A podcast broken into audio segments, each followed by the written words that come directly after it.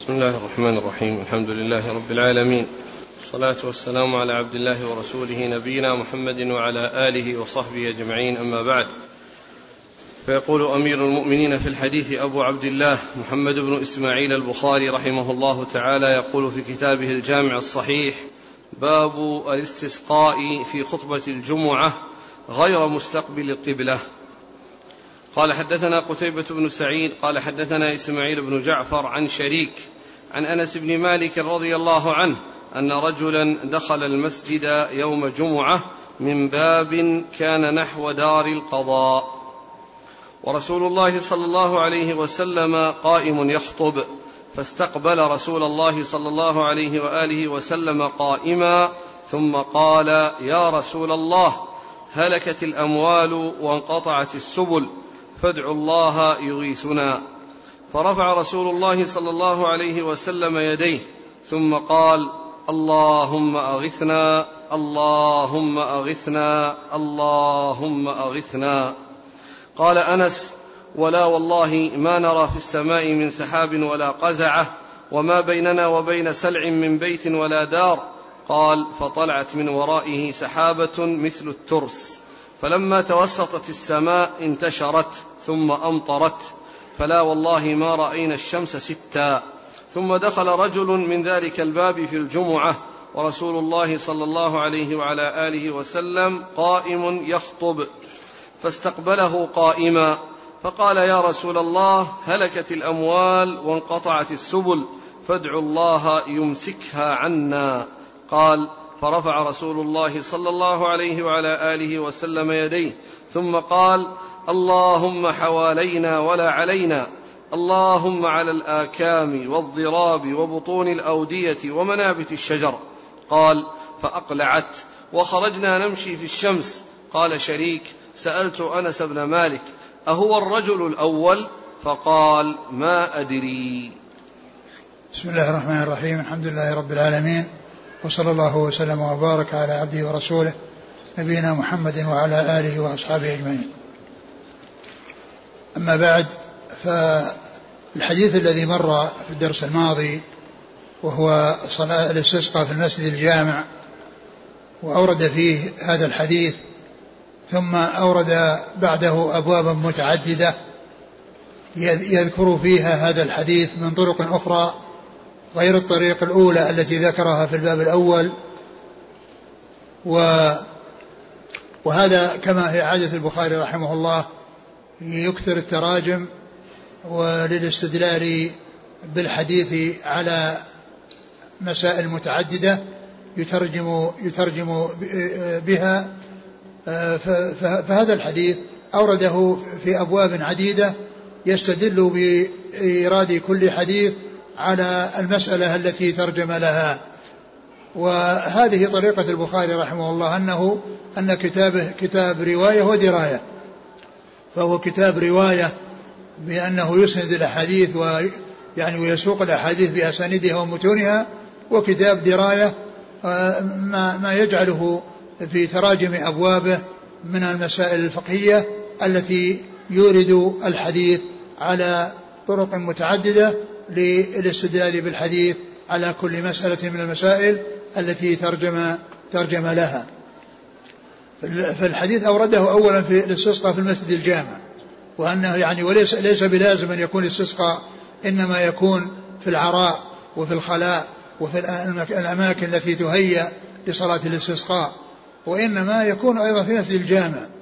والأولى أن يكون في في المكان الخالي الذي يعني ليس فيه بنيان وإذا احتيج إلى ذلك فإنه لا بأس بالصلاة في المساجد لا بأس في الصلاة في المساجد ولكن الأولى أنها تصلى في المصلى. فذكر الحديث أولا في الصلاة في المسجد الجامع أي أنها أنه ليس بلازم أن تكون في العراء وفي الخلاء وإنما يجوز أن تكون في المسجد الجامع. ثم ساق هذه الترجمة بعدها باب الاستسقاء في خطبة الجمعة غير مستقبل القبلة. الاستسقاء في خطبة الجمعة غير مستقبل القبلة. يعني أنه يعني يستسقي في خطبة الجمعة وأيضا يكون غير مستقبل القبلة لأنه لأنه يخطب مستقبل المأمومين مستقبل الناس فهو مقابلهم والقبلة وراء ظهره والقبلة وراء ظهره. والحديث فيه يعني هذا كله فيه أنه خطب أنه استسقى في خطبة الجمعة وفيه أنه كان مستقبل الناس وليس بمستقبل القبلة. إيش قال في الحديث في أوله؟ قال عن أنس بن مالك إن رجلا دخل المسجد يوم جمعة من باب كان نحو دار القضاء. من باب نحو دار القضاء والمقصود بدار القضاء. قيل هي الدار التي بيعت أو يعني كانت لعمر وباعها في بيعت في قضاء دينه وليس المقصود بها المكان الذي يكون فيه القضاء وإنما قضاء الدين. يعني دار كانت لقضاء الدين فبيعت لسداد دين عليه. نعم. ورسول الله صلى الله عليه وسلم قائم يخطب فاستقبل رسول الله. ورسول الله صلى الله عليه وسلم قائم يخطب. فاستقبل رسول الله صلى الله عليه وسلم. يعني هذا الرجل الذي دخل استقبله قائما. يعني أنه استقبله وهو قائم آه، فسأله فطلب منه وتكلم معه وطلب منه أن يستسقي للناس وأن يسأل الله عز وجل أن يسقيهم. وإنما كان قائما حتى حتى يرى وحتى يعرف وحتى يعني يكون يعني كونه قائما الناس يرونه ويعرفون يفهمون سؤاله ويفهمون الجواب الذي يحصل له من رسول الله صلى الله عليه وسلم. لأنه لو سأله وهو جالس ما تبين للناس. لكنه لما كان قائما الناس يرونه من مكان من, من الأماكن القريبة والأماكن البعيدة. فسأل النبي صلى الله عليه وسلم أن يستسقي لهم. فقال نعم. قال يا رسول الله هلكت الأموال وانقطعت السبل فادعوا الله يغيثنا. يعني هلكت الأموال لأنها لا يوجد شيء تأكله.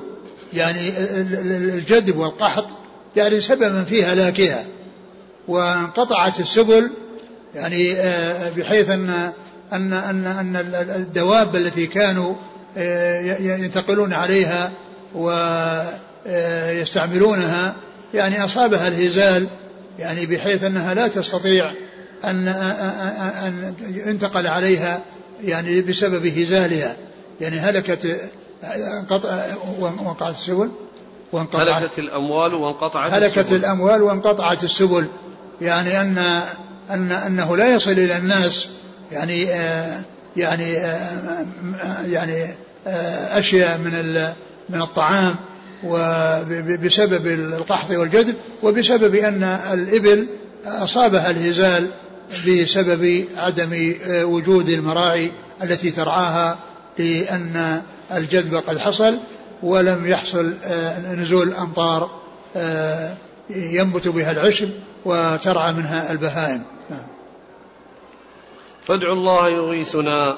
فادعوا الله يغيثنا. يعني سأل رسول الله صلى الله عليه وسلم أن يدعو الله أن يغيثهم أن يدعو الله عز وجل أن يغيثهم. نعم.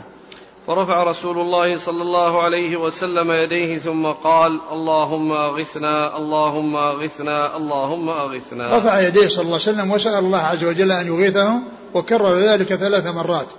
وكما عرفنا في الدرس الماضي أن الاستسقاء ترفع فيه الأيدي بخطبة الجمعة وأما في غير الخطبة في غير الاستسقاء فإنها لا ترفع الأيدي وإنما ثبت رفعها في خطبة الجمعة بالاستسقاء إذا استسقى إذا استسقى للناس.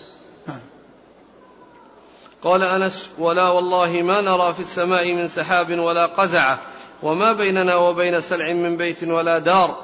قال فطلعت من ورائه سحابة مثل الترس.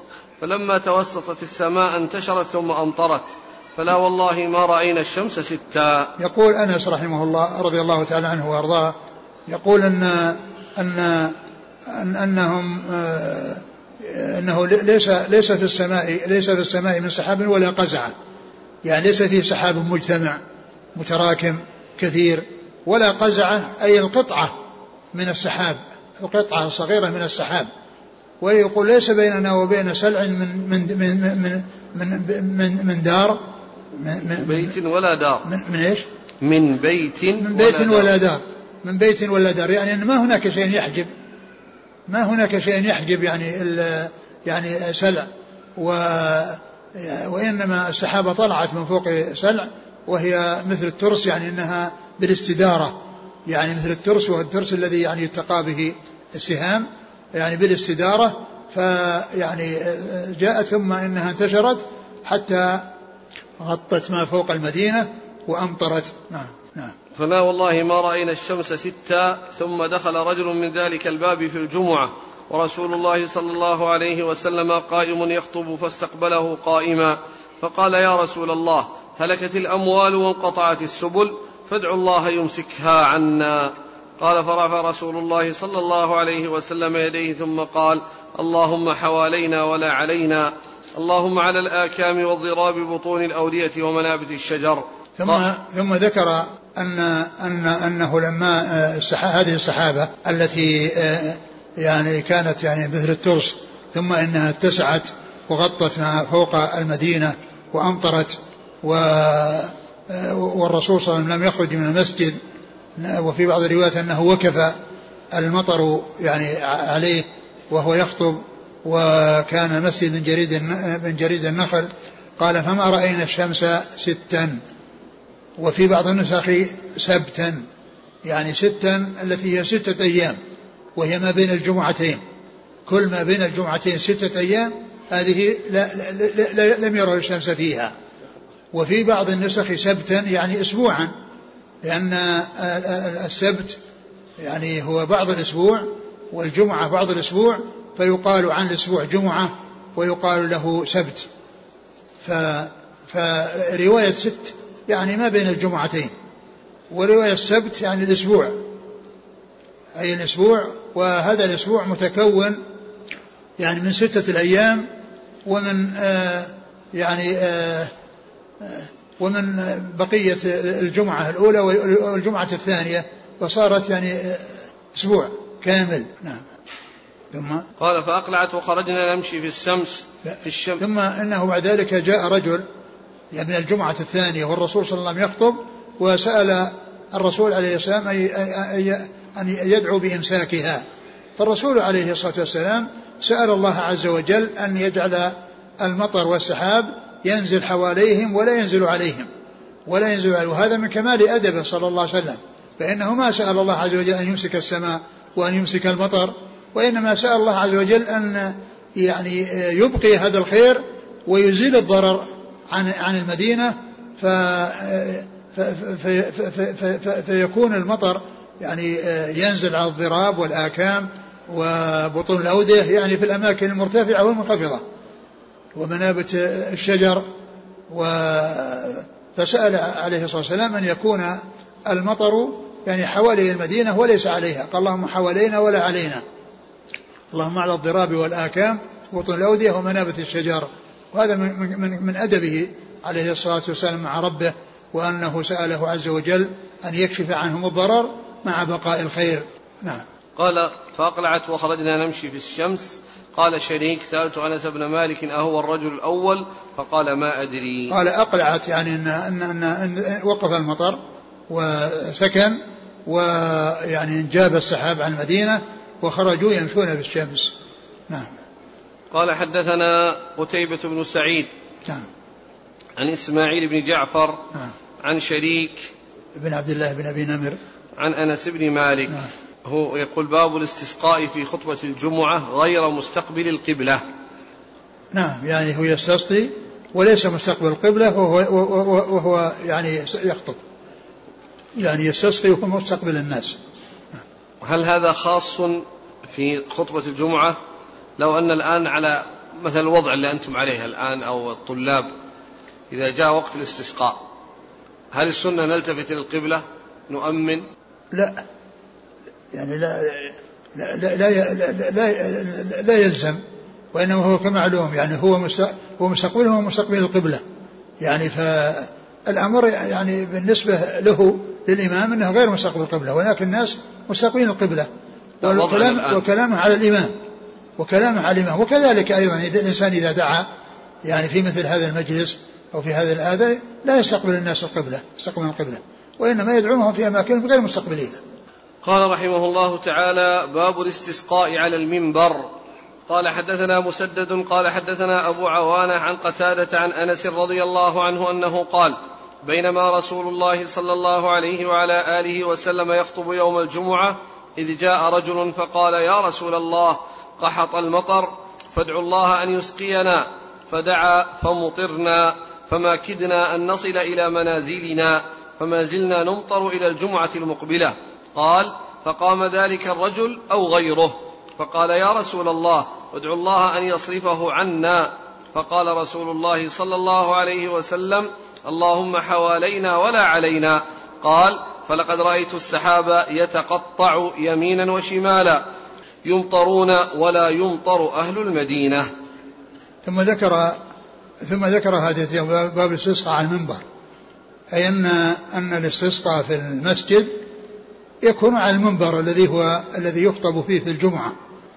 وهذا بخلاف المصلى فإنه لم يكن فيه منبر ولم يكن النبي صلى الله عليه وسلم يخطب على منبر وإنما كان يخطب قائما.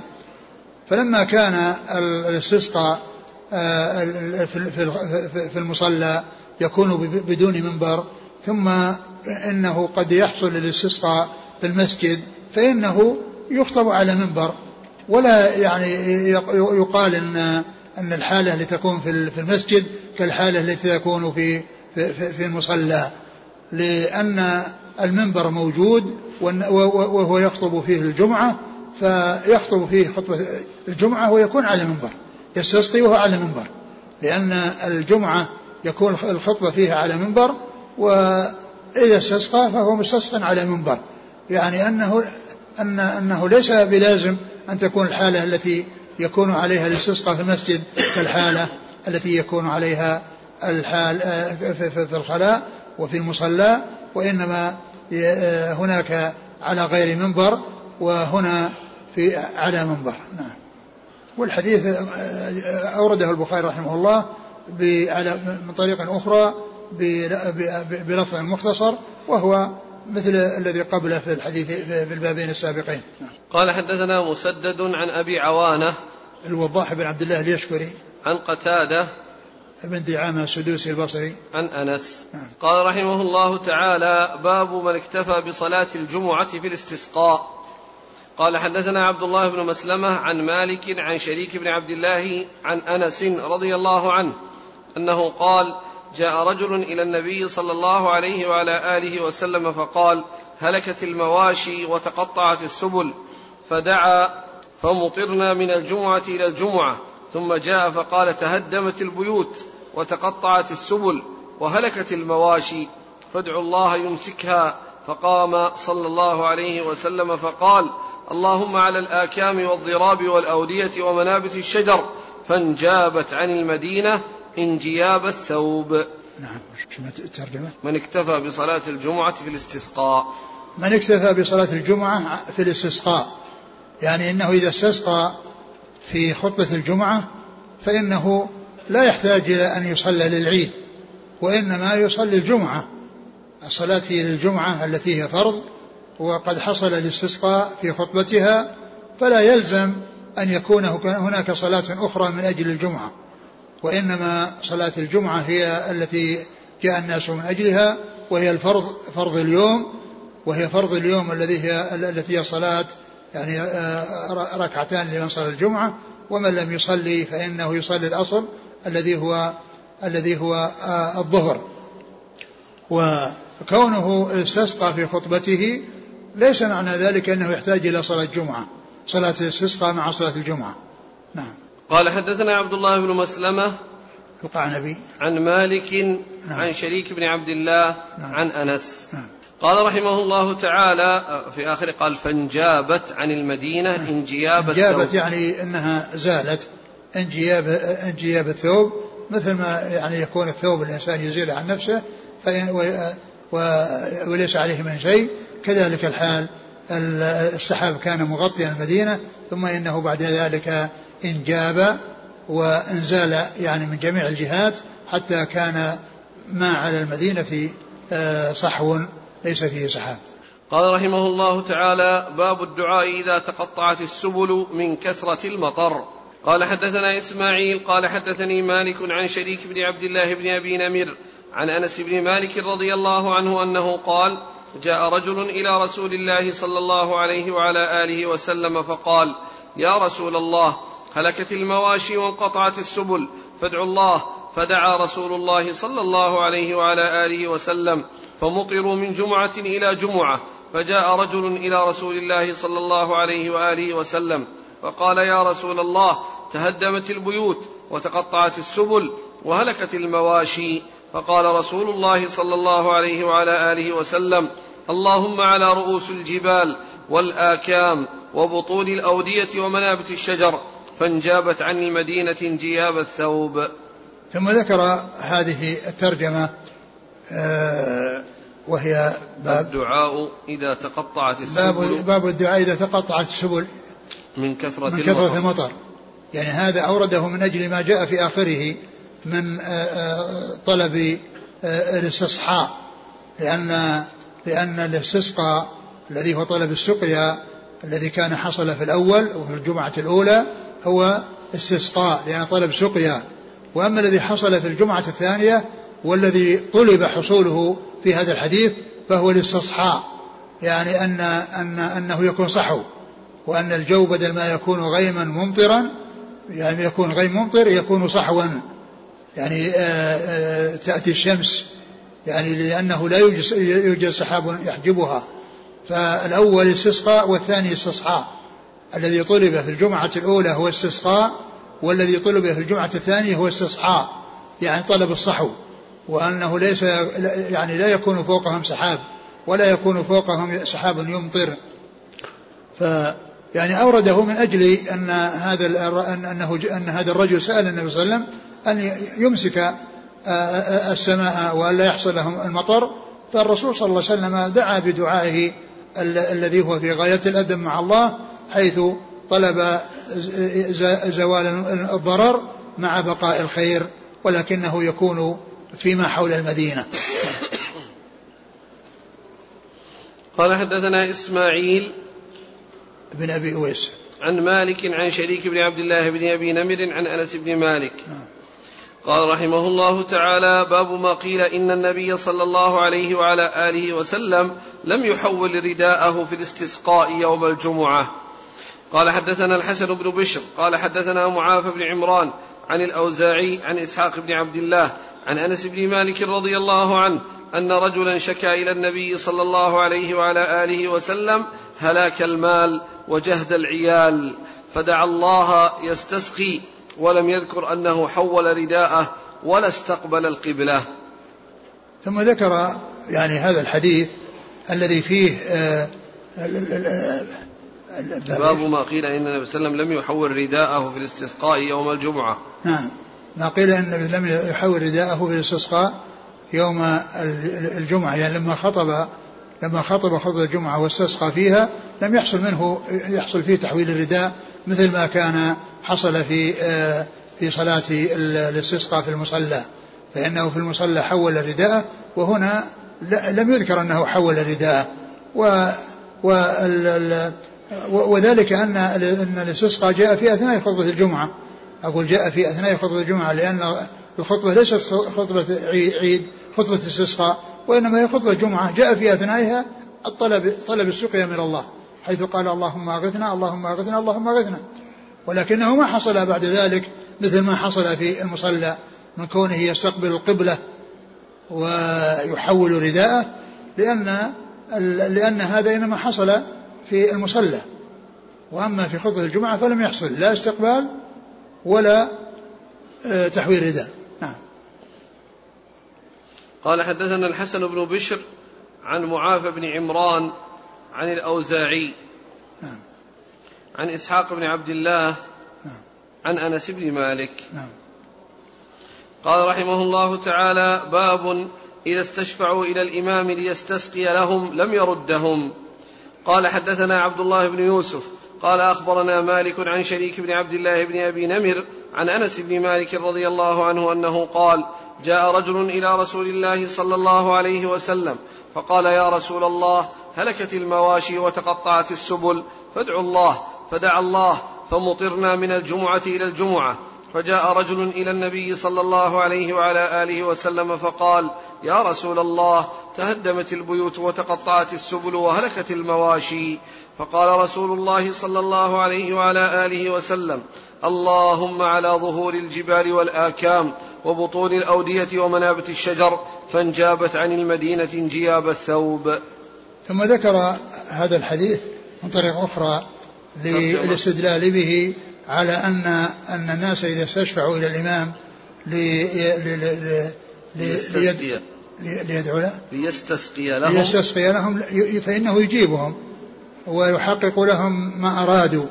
ثم ورد هذا الحديث الذي هو من طريق أخرى بأنهم لأنه حصل السؤال وأجيبوا إلى ما سألوا ما ما ما ما, ما, ما إلى ما إلى ما سألوه وهو أنه حصل الاستسقاء لهم.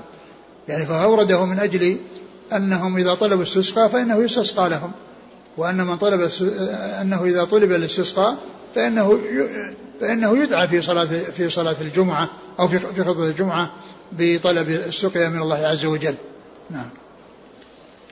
قال حدثنا عبد الله بن يوسف التنيسي عن مالك عن شريك بن عبد الله بن أبي نمر عن أنس بن مالك قال رحمه الله تعالى باب إذا استشفع المشركون بالمسلمين عند القحط.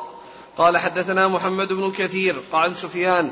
قال حدثنا منصور والأعمش عن أبي الضحى عن مسروق. قال أتيت ابن مسعود رضي الله عنه فقال يعني الحديث الذي مر عن أنس كل هذه الأحاديث اللي مرت كلها عن أنس في في في في, في, في الاستسقاء في خطبة الجمعة. وهي أبواب عديدة وجاءت من طرق مختلفة. ولهذا كل حديث يعني من الأحاديث السابقة يعني فيه شيخ للبخاري. يعني شوف مشايخ البخاري في الأحاديث من أول صلاة الجامع صلاة في الجامع في الخطبة. أوله قال محمد. نعم. الأول قال محمد. نعم. بن سلام. محمد بن سلام نعم. آه قتيبة بن سعيد. قتيبة بن سعيد. مسدد. مسدد نعم. عبد الله بن مسلمة. نعم أربعة. إسماعيل. إسماعيل آه، بن أبي ويس الحسن بن بشر. نعم. عبد الله بن يوسف. عبد الله بن يوسف. عبد الله بن يوسف ما مر هذا مرة لأول مرة؟ إيه. نعم. يعني سبعة. يعني سبعة أبواب بسبعة أحاديث وكلها يعني أورد البخاري الحديث بإسناد غير الإسناد الأول. يعني فهي فكل إسناد له فيه شيخ. كل إسناد له فيه شيخ. و وهذا يعني وهذه يعني الأسانيد عند البخاري وكثرة الطرق إنما جاءت للتراجم ومن أجل الاستدلال بالحديث على تراجم متعددة.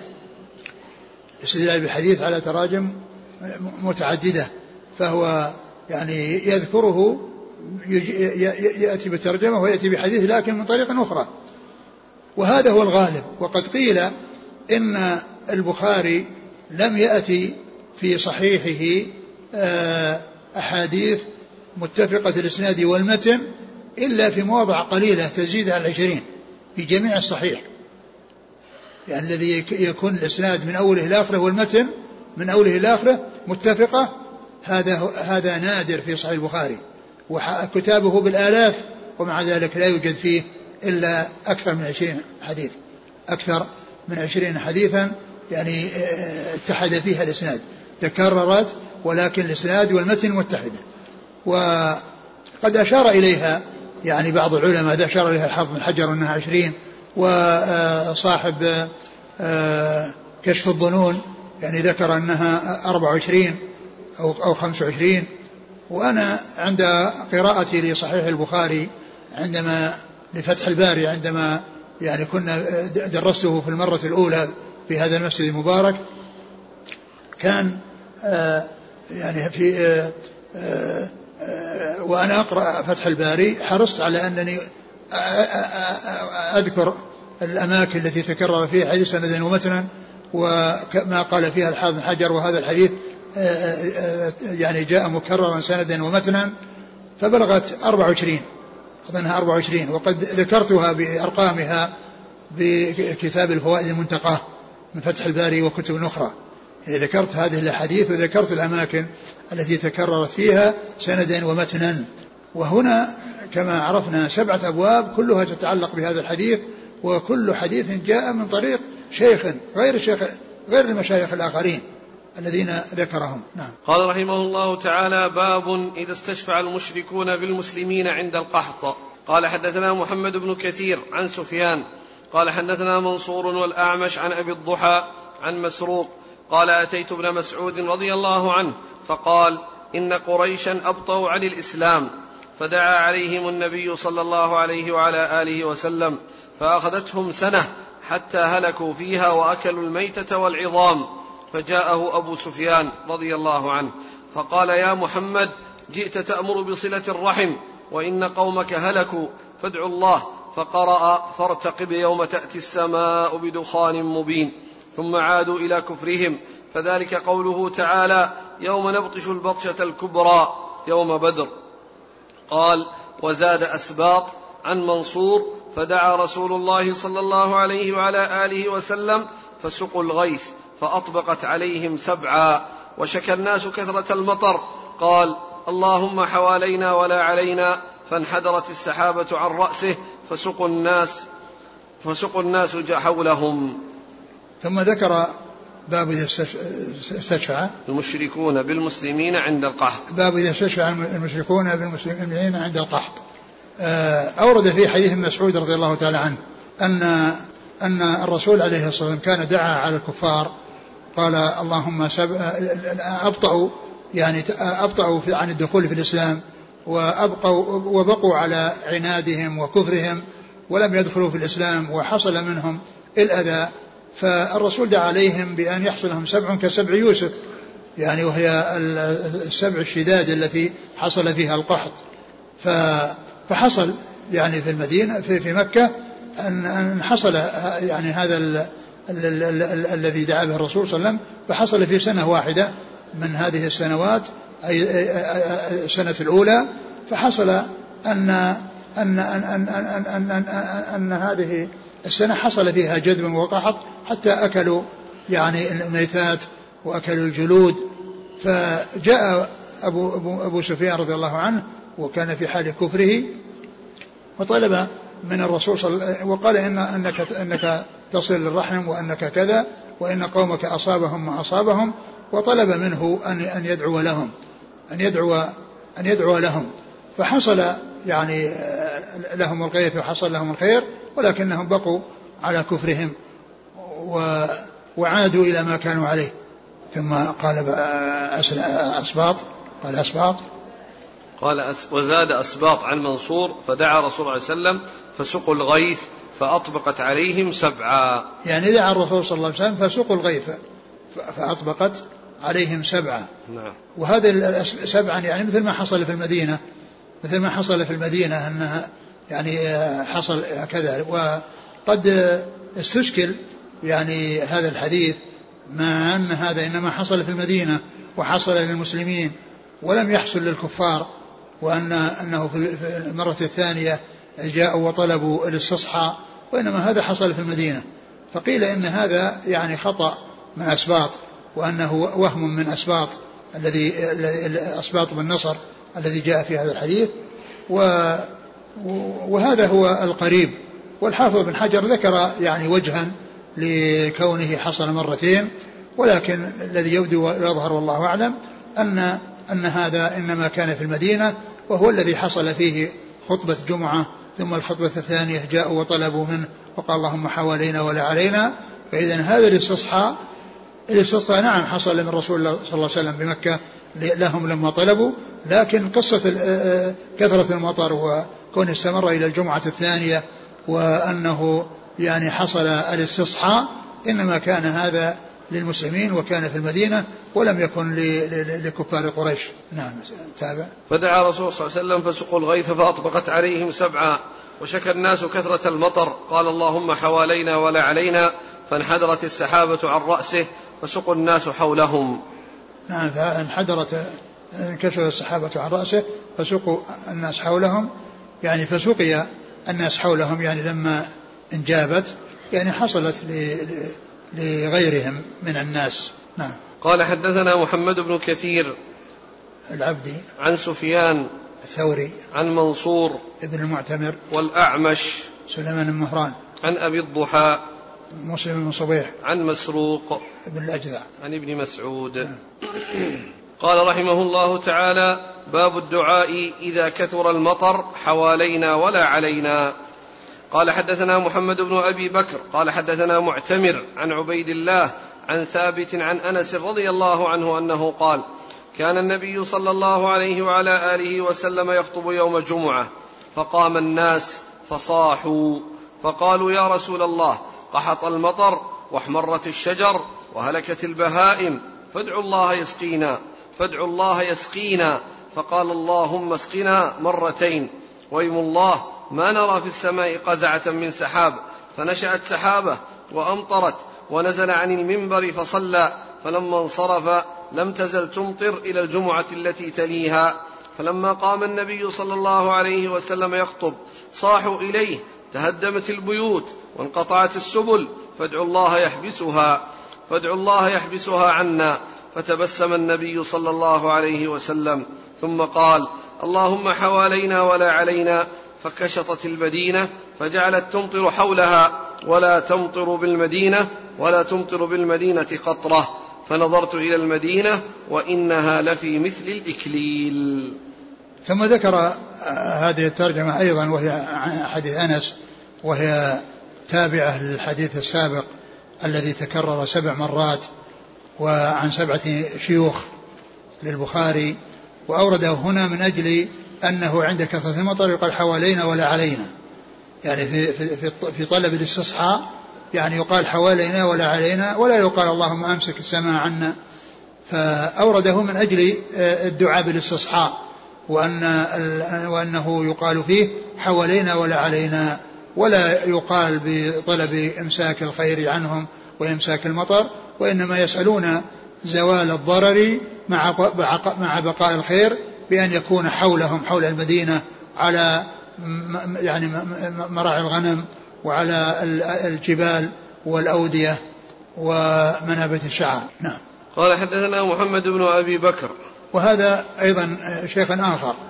يعني هذا الإسناد لما جاء حديث أنس أيضا أتى بشيخ آخر فصاروا ثمانية شوف في التي أسند عنهم هذا الحديث عن أنس. نعم. عن معتمر بن سليمان. عن عبيد الله بن عبد بن, بن عمر العمري. عن ثابت عن أنس. نعم. ابن أسلم البناني. نعم.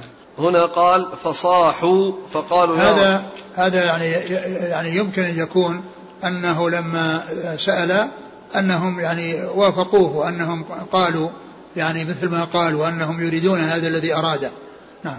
وإنها لفي مثل الإكليل. مثل الإكليل يعني أن أن الذي فوق المدينة صحو وما وراء فوق المدينة مثل الإكليل. مستدير السحاب موجود من جميع الجهات إلا فوق المدينة. والإكليل قيل إنه إنه آه، يعني الشيء المحيط أو الشيء المستدير ويعني غالبا ما يطلق على الإكليل الذي يكون على الرأس. الذي يكون من جميع الجوانب الذي يكون من جميع الجوانب والفوق مكشوف. نعم. قال رحمه الله تعالى باب الدعاء في الاستسقاء قائما. وقال لنا أبو نعيم عن زهير عن أبي إسحاق خرج عبد الله بن يزيد الأنصاري وخرج معه البراء بن عازب وزيد بن أرقم رضي الله عنهم فاستسقى فقام بهم على رجليه على غير منبر فاستغفر ثم صلى ركعتين يجهر بالقراءة ولم يؤذن ولم يقم. قال أبو إسحاق ورأى عبد الله بن يزيد النبي صلى الله عليه وسلم. باب؟ الدعاء في الاستسقاء قائما. باب الدعاء في الاستسقاء قائما يعني أن الخطيب أو الذي الإمام الذي يستسقي يكون قائما لا يكون جالسا. لا يكون جالسا. وذكر فيه هذا الأثر الذي فيه عن عبد الله بن يزيد ويعني أنه خرج ومعه فلان إيش؟ من هم؟ خرج ومعه البراء بن عازب وزيد بن أرقم. يعني عبد الله بن يزيد صحابي وهؤلاء صحابة وأنه خرج وكان أميرا على البصرة ف يعني استسقى وهو قائم. يعني يعني ليس على منبر. مثل ما كان في عهده صلى الله عليه وسلم أنه ليس هناك منبر يخطب عليه. فخطب قائما وش قال؟ قام بهم على رجليه على غير منبر نعم فاستغفر ثم صلى ركعتين يجهر بالقراءة ولم يؤذن ولم يقيم نعم يعني وهذا يعني صلاة الاستسقاء فإنه يجهر فيها بالقراءة وأيضا يعني لا يعني ليس يعني آآ آآ ليس على ليس على منبر و قال هنا قال فاستغفر ثم صلى ركعتين يعني دعا يعني دعا يعني من خطبته أو من استسقائه أنه دعا. نعم. قبل الصلاة. نعم. قبل الصلاة. نعم قبل الصلاة. وصلاة العيد وصلاة الاستسقاء تكون قبل الصلاة وبعده.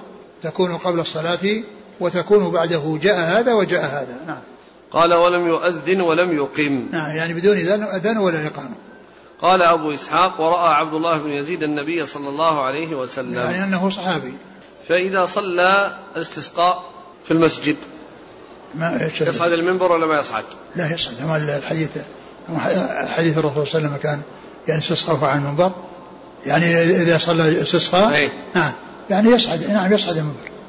يعني المنبر موجود ويصعد أيه قال حدثنا أبو اليمان قال لا الحديث ذاك. قال لنا أبو نعيم. هنا قال لنا نعم. قال لنا أبو نعيم.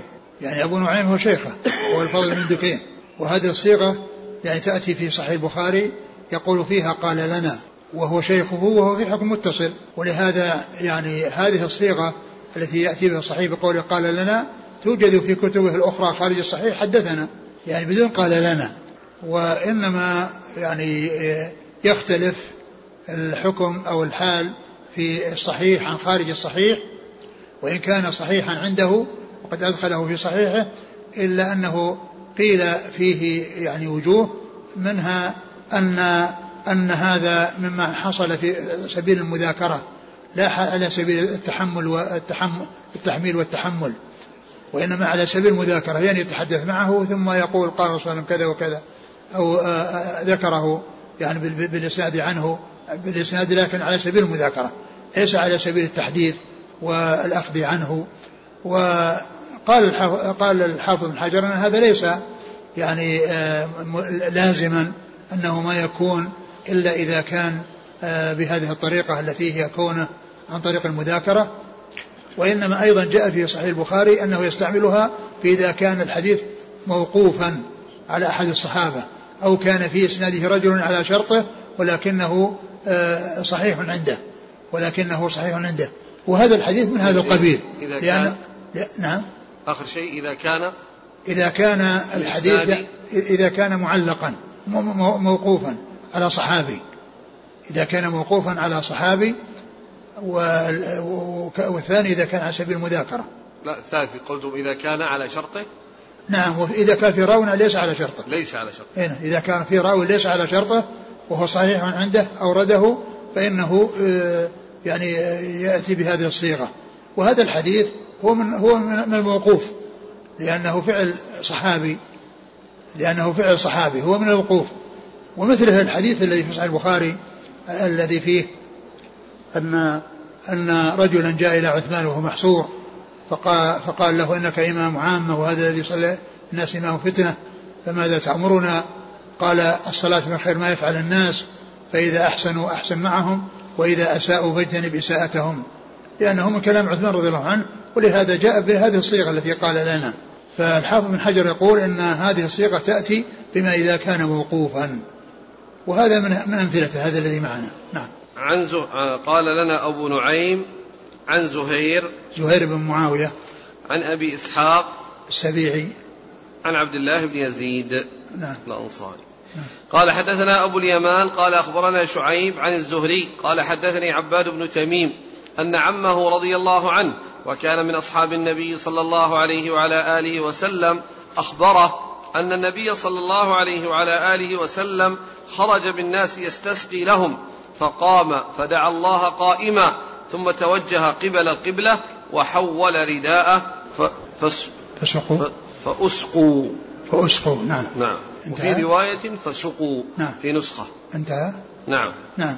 ثم ذكر هذا الحديث في كون ال كون ال أن الإمام يعني يستسقي قائما. وقد أورد في هذا الحديث عن عن عبد عبد الله بن زيد بن عاصم. عبد الله بن زيد بن عاصم المازني رضي الله عنه أن النبي صلى الله عليه وسلم خرج بهم الاستسقاء وصلى خطب قائما وخطب عليه الصلاة والسلام قائما ثم حول حول رداءه. فأورده للاستدلال به على القيام في حال الخطبة. قال حدثنا أبو اليمان حكم بن نافع عن شعيب بن أبي حمزة عن الزهري محمد بن مسلم بن عبيد الله عن عباد بن تميم نعم. عن عمه. نعم. قال رحمه الله تعالى باب الجهر بالقراءة في الاستسقاء. قال حدثنا أبو نعيم قال حدثنا ابن أبي ذئب عن الزهري عن عباد بن تميم عن عمه رضي الله عنه أنه قال خرج النبي صلى الله عليه وسلم يستسقي فتوجه إلى القبلة يدعو. وحول رداءه ثم صلى ركعتين جهر فيهما بالقراءة. ثم ذكر هذا الحديث في ترجمة الجهر بالقراءة الحديث السابق يعني الحديث السابق. في ترجمة الدعاء في الاستسقاء قائمة نعم. وهذاك عن طريق عن عباد؟ نعم. نعم. والصحابي واحد إلا أنه هناك أورده من أجل القيام الخطبة قائما وهنا أجره أورده من أجل الجهر بالصلاة بالقراءة. والحديث الأول فيه الجهر بالقراءة ولكنه أورده من أجل الترجمة وأنه يستدل به على الجهر لأن هناك جاء تبعا وإنما أورد في استقلالا من أجل القيام في الخطبة. وأما هنا فقد نص على هذا الحكم الذي يستنبط من ذلك الحديث وهو كونه يجهر بالقراءة في صلاة الاستسقاء أعد الحديث. عن عباد بن تميم عن عمه قال خرج النبي صلى الله عليه وسلم يستسقي فتوجه إلى القبلة يدعو وحول رداءه ثم صلى ركعتين جهر فيهما بالقراءة. يعني هنا يعني هنا قال ثم صلى ركعتين.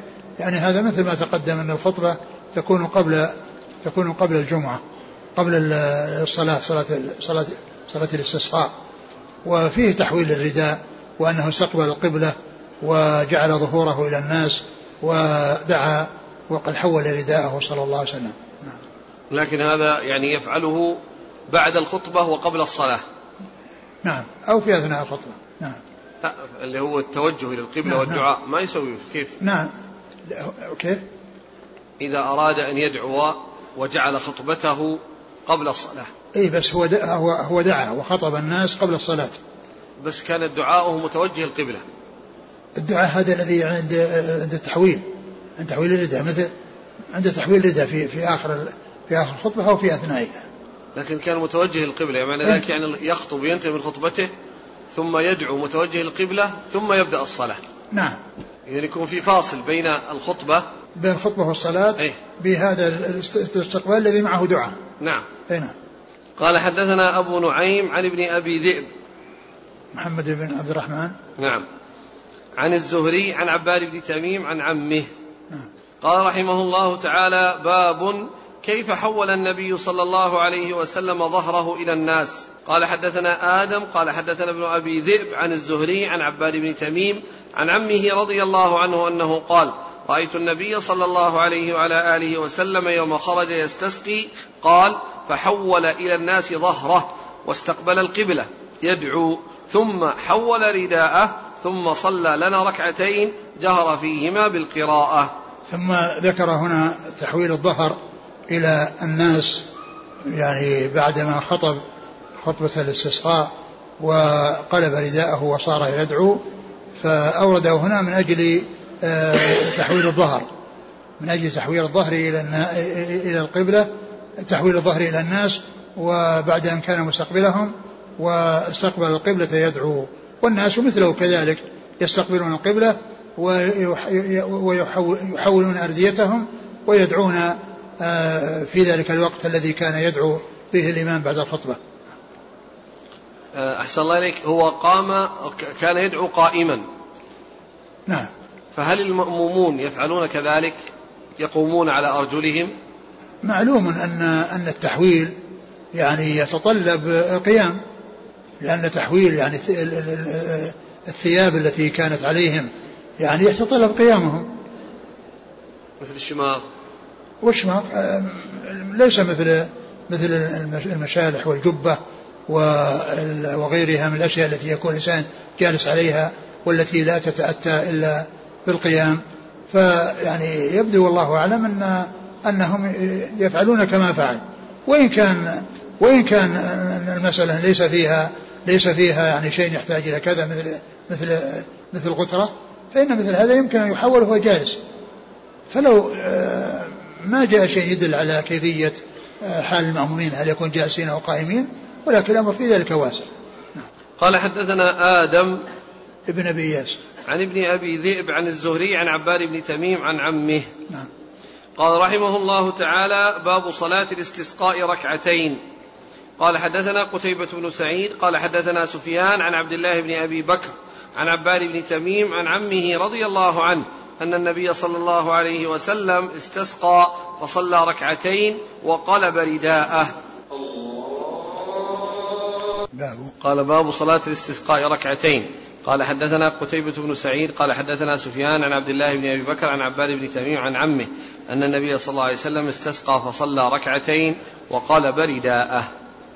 ثم ذكر صلاة الاستسقاء ركعتين وأورد آه، هذا الحديث الذي مر من طريق أخرى وفيها أنه صلى الله عليه وسلم صلى ركعتين وأنه قلب رداءه يعني عندما فرغ من الخطبة أو عند نهاية الخطبة آه، قلب رداءه وسأل الله عز وجل وكذلك الناس حولوا أرديتهم وسألوا الله عز وجل ولكن الحديث أورده هنا من أجل بيان أن صلاة العيد صلاة الاستسقاء أنها تكون خطبتين تكون ركعتين. نعم.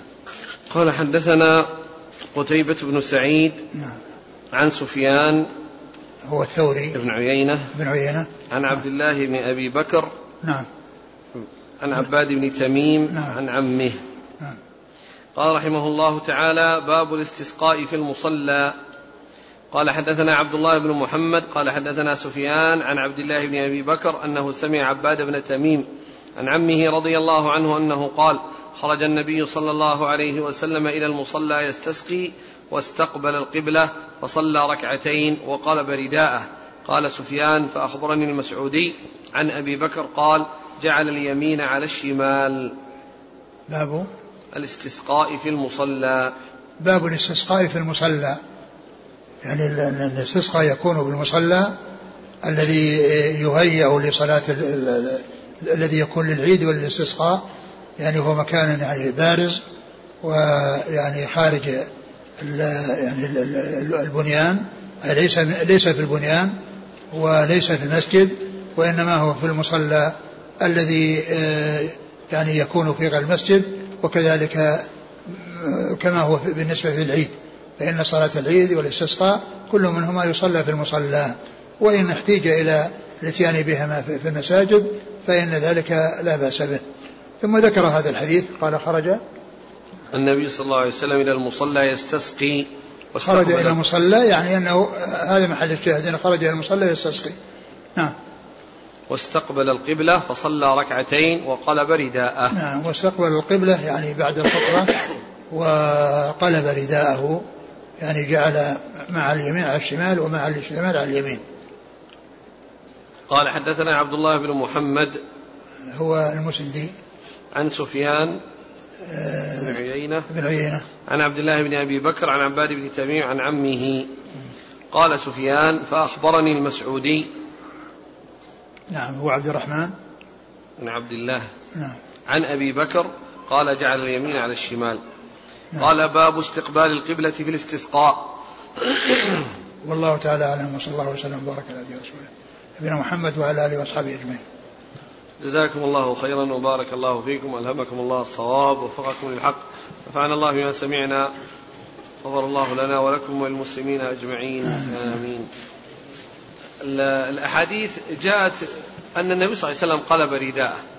هل يوجد نص أنهم قلبوا أرديتهم إي نعم جاء.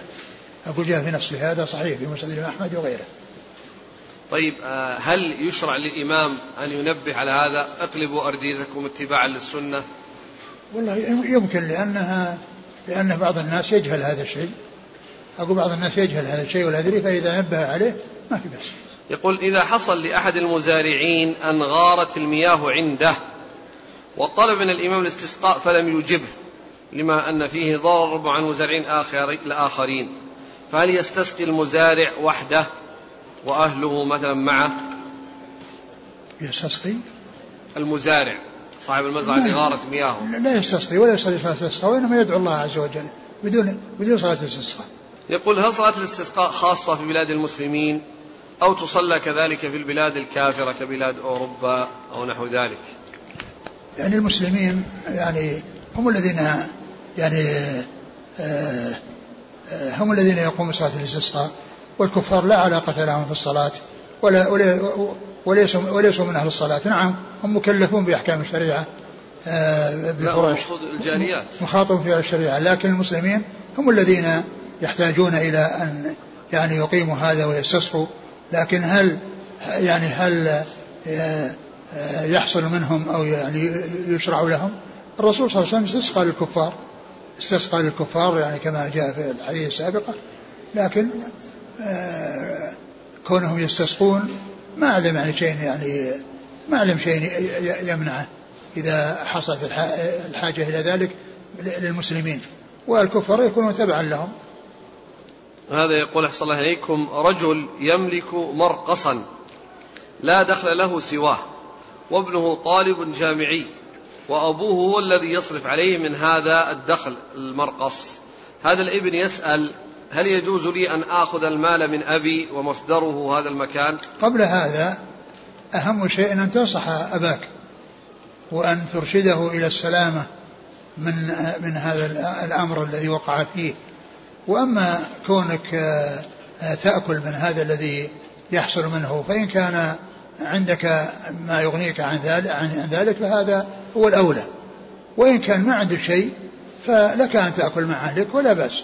لكن أهم شيء أنك آه، تنصح أباك وترشده إلى أن يتخلص من هذا الشيء الذي وقع فيه. جزاكم الله خيرا. سبحانك اللهم وبحمدك نشهد أن لا إله إلا أنت.